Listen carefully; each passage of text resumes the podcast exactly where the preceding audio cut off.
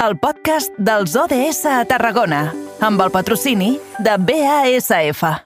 The United Nations is an organization with goals of peace and sustainable development around the world. Their mission is huge, but we're breaking it down in two minutes. 17 sustainable... Les 6 de la tarda i 6 minuts, hora perfecta per aturar-nos als estudis de BX Ràdio. Allí tenim el nostre company, en Jonai González. Jonai, bona tarda, bon divendres. Bona tarda, bon divendres. En aquest programa som gent de paraula. Si diem una cosa, La, la fem. Exacte. I l'altre dia ja eh, ens vam comprometre a parlar avui amb un convidat, jo crec que el podríem arribar a presentar fins i tot com un eh, col·laborador de eh, carrer Major. Quan sigui, quan sigui Nadal li haurem de fer un, un lot.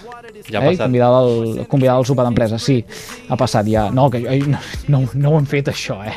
Si ara aquí els col·laboradors ens trucaran, "Ah, a mi no m'ha arribat el lot, no, no, no hi ha, no hi ha hagut lots de, de Nadal ni, ni, ni, ni res de res. Escolta, uh, va, uh, saludem, si et sembla, en Josep Lluís Alcoceba, uh, que és el responsable de projecte xarxa de cooperació al desenvolupament del sud de Catalunya a l'Oficina de Compromís Social de la, de la URB.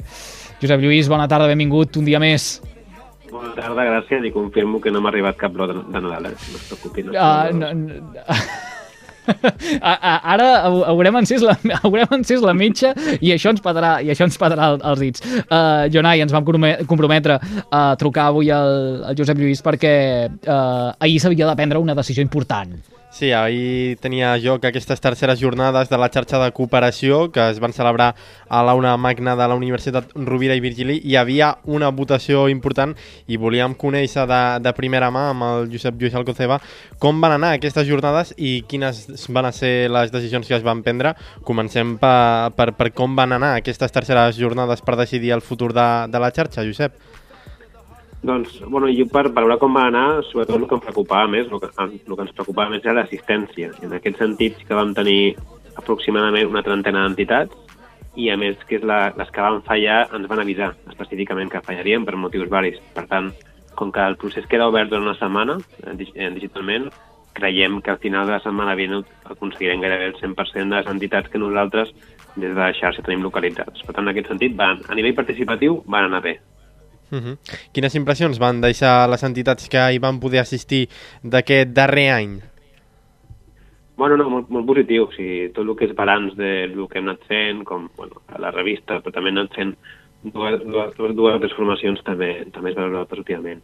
El que no va ser tan evident, potser, és el resultat d'aquest futur, decidim el futur de la xarxa, que això sí que més o menys us ho vaig explicar, que intuïa que passaria el dimecres, que és que hi ha molts grisos, no? O sigui, hi ha realitats molt diferents entre les necessitats que pot tenir una delegació d'una ONG molt gran, no?, que una delegació local que, més petita i que, per tant, té necessitats molt, molt, molt dispars. I això es va notar en el resultat. Uh -huh. De fet, què, què és el que es va acabar decidint? Què va passar en aquesta votació, en aquest procés participatiu? Doncs el que es, es valorava molt, posit molt positivament. O sigui, recordeu que la votació era per eh, què ens fa por o, o, o què veiem com a avantatge del fet de fer la passa endavant no? i de constituir-nos com a federació del territori, sense la universitat mm, i jugui un paper tan, tan, tan, tan, tan caudal que hem sigut nosaltres que hem tirat molt al principi del, del carro. Llavors, va sortir com a aspe- aspectes positius, us ho podeu imaginar, eh? tot el que és té a veure amb territori territorialitat, eh, destacar entitats sobretot que no són de la ciutat de Tarragona i que per tant potser són menys conegudes, etc.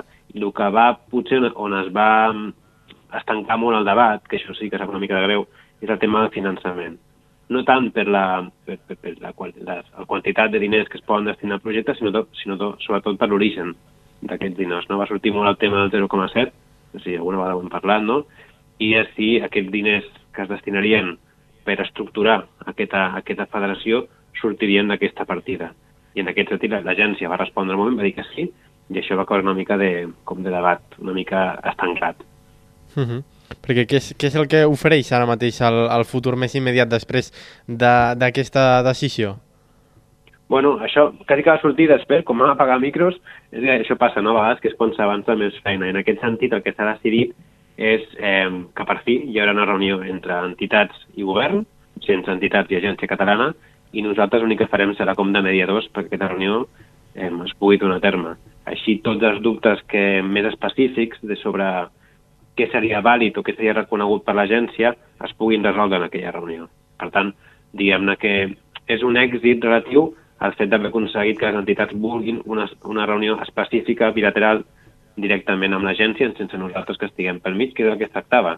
Al final nosaltres com a universitat vam agafar un encàrrec de a un territori on no hi ha una estructura de segon nivell, proposeu una iniciativa, un model, en aquest cas de xarxa, que pugui servir com a exemple de funcionament d'estructura de, de, de segon nivell i que serveixi d'interlocució entre govern i entitats. Sembla que el model mm pot quallar, ara cal eh, aquesta reunió eh, on dubtes molt específics que a nosaltres ens pugui escapar, no? termes jurídics i, i més, més específics de, de, de l'agència catalana, que es puguin resoldre directament en aquesta, en aquesta reunió. I s'ha pogut ja calendaritzar tot això, Josep Lluís? Eh, la setmana vinent. Eh, no, no, no, no es pot dir un dia, però el que sí que es nota per és que ara cada cosa està prou com calenta, no, no deixar-ho no deixar passar. Llavors, en aquest sentit, crec que hem de respectar aquesta setmana eh, de, de delay per a aquelles entitats que no, que no van venir ahir sí que puguin també pues, transcriure les seves, les seves inquietuds en aquest DAFO, us ho recordar que us comentava el, el dimecres, sí, i a partir sí. del divendres vinent ja fer la convocatòria. Sí? Nosaltres internament, com a universitat, tenim reunió també a l'agència, suposo també per trobar un dia, un dia de setmana següent, o sigui, d'aquí 15 dies, mm -hmm. per poder fer aquesta, aquesta reunió. Entenc, eh, Josep Lluís, que aquella màxima eh, que tantes vegades diem eh, de satisfer les necessitats de tothom eh, i es va fer palesa, no? tenint en compte que eh, hi ha molts agents implicats. És difícil de tothom perquè, insisteixo, la qüestió de finançament es va tancar precisament perquè hi ha entitats que aquesta carència, l'econòmica, no la tenen. Llavors, la qüestió econòmica es percep més com una amenaça, és a dir, si jo percebo diners de determinats agents, potser aquests diners estan condicionats a que jo puc fer uns projectes sí i uns projectes no. En canvi, hi ha entitats que tenen una realitat molt més local que qualsevol tipus d'ajuda eh, és com de nit al dia, o sigui, pot canviar molt la forma de planificar a nivell estratègic el seu dia a dia. Sí? Uh -huh. Llavors, eh, tot i que sí que hi ha un consens a és necessari fer una segona, una segona reunió per, per, amb tota la informació, ara sí, damunt una taula, eh, fer què passa endavant, potser hi ha entitats que han marxat molt més motivades que d'altres, que potser el tema de la xarxa i no n'hi cal tant. Però això no passa res, vull dir, és una realitat, tampoc no cal que el 100% de les entitats el primer any formin part d'aquesta assemblea, que això és el que jo també vam insistir molt. O sigui, podem començar amb una realitat que sigui d'un 50% i a poc a poc anem construint. És interessant en que ahir també van participar de forma telemàtica les xarxes de Lleida i Girona, que tenen una, una, una vida, una existència de fa més de 30 anys. I el seu exemple també va servir dir, bueno, nosaltres vam començar sent 6, 7 entitats i ara potser som doncs, moltes, moltíssimes més. Vull dir, és qüestió d'anar construint-ho a poc a poc. Mm. I és possible? O, o, o contempleu que, per exemple, ara que eh, es posa a debat eh, precisament el futur, tenint en compte això, eh, el, el model o la forma de finançament, mm -hmm. eh, és possible o ho, ho contempleu que hi puguin haver entitats que eh, es despengin de tota aquesta feina, que, aquesta trajectòria que s'ha fet fins ara? Sí, sí, sí, és, és una possibilitat molt, molt, molt evident i també d'altres que encara que no hem localitzat perquè no ho acaben de veure clar, també s'hi sumin. També hem, cal, cal pensar que el, o sigui, només si, si mirem un exemple de, de Lleida i Girona, ja són estructures que, tot i ser les dues federacions, tenen una lògica de funcionament molt, molt diferent. I, per exemple, nosaltres com a xarxa, sense voler, ens hem apropat més a l'estructura de Lleida que no de Girona. Per què?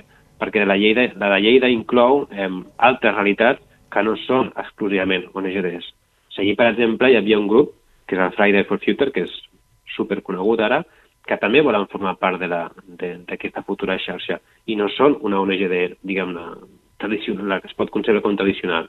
Hi ha altres moviments més propers al medi ambient que també s'hi volen sumar. Per tant, eh, hi haurà entitats que acabaran del carro, això és evident, però també n'hi haurà d'altres i de realitats molt diferents que també s'aniran sumant. Ahir, per exemple, una qüestió que va sortir en dubte és, escolteu, si per un territori, per què la seu ha de ser Tarragona? Potser la seu pot estar en una altra ciutat i, i a partir d'allí entitats que no tenim localitzades, perquè sí que és cert que sense voler, al fer-ho des d'aquí, des del Campus Catalunya, tema que tenim aquesta visió sense voler molt, molt central, no tenim localitzades. Uh -huh. I com queda ara l'actitud la, la, de la URB respecte amb, amb aquestes entitats? Una mica de, de mediadora o no sí. hi haurà cap contacte? No, no, no, no, això no, això en cap moment. Em, primer de mediadora perquè es faci aquesta, aquesta reunió i després si les entitats fan palès que volen fer aquesta passa endavant, el que us deia, l'últim dia, tota aquesta paperassa més tècnica de tot el que requereix per eh, començar a treballar, nosaltres estarem allí, és a dir, tot el pas de contractar un tècnic, una tècnica, de buscar un local, inclús de fer els propis estatuts d'aquesta federació, jo crec que com, com és, és, és, una, és una tasca que li correspon a la universitat, que és qui va assumir l'inici del- de- d'aquest encàrrec, des de, des de fer la diagnosi fins a acabar construint el projecte. Però una vegada aquest projecte ja pugui continuar, té poc sentit que una administració hi formi part.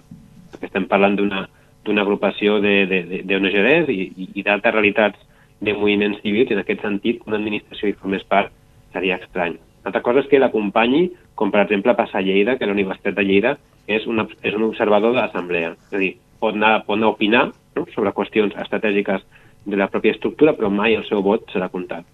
Pot, ser, pot ser una solució, mm Mhm. això. I quines són les sensacions que, que deixen al final aquesta jornada amb la votació, amb, amb les impressions de les entitats cap a aquesta agenda 2030? Bueno, eh, és el que us deia, és a dir, el fet de eh, que s'estigui incloent nous actors, sí, com els Mhm. Friday for Future, com moltes entitats que, de perfil molt més mediambientalista, correspon una mica a la realitat que són els, els ODS, és a dir, eh, si agafem agendes anteriors com l'Agenda 2000, sí, eh, crec que era set dels vuit objectius eh, parlaven d'objectius molt arrelats a la cooperació internacional. Per sort, hem obert el ventall sí, i amb aquesta lògica de que quan parlem d'assumptes socials no només existeix la cooperació, sinó que hi ha d'altres àmbits que ens impliquen com a societat, també estan apareixent, estan apareixent nous agents. Per tant, en aquest sentit, sí que el projecte, sense voler o no, s'ha agradat molt als ODS. No tant pels continguts específics de cadascun d'aquests objectius, que ja sabeu que en algun camp potser són una mica més fluixos, sinó per la voluntat d'ampliar mires i de, i de parlar de molts aspectes que no només els, ja ho he dit, ja ho he dit un cop, els tradicionals de la cooperació. Josep Lluís, escolta, t'agraïm moltíssim que un dia més eh, hagis acceptat la trucada del programa. Ens en quedarà una altra dependent. Eh, estarem a l'espera d'aquesta propera setmana o aquests propers dies a veure tot plegat com Perfecte. acaba de- d'evolucionar, quin és el balanç que, que se'n fa i quan sigui oportú tornarem a, a parlar, com no pot ser d'una altra manera. Gràcies per, per compartir-ho amb nosaltres i explicar-nos una miqueta les conclusions a les que eh, ahir es va arribar. Un plaer. Gràcies, gràcies a vosaltres. Vagi molt bé. En Josep Lluís Alcoceba, que és el responsable del projecte Xarxa de Cooperació al Desenvolupament del Sud de Catalunya, l'Oficina de Compromís Social de la Universitat Rovira i Virgili.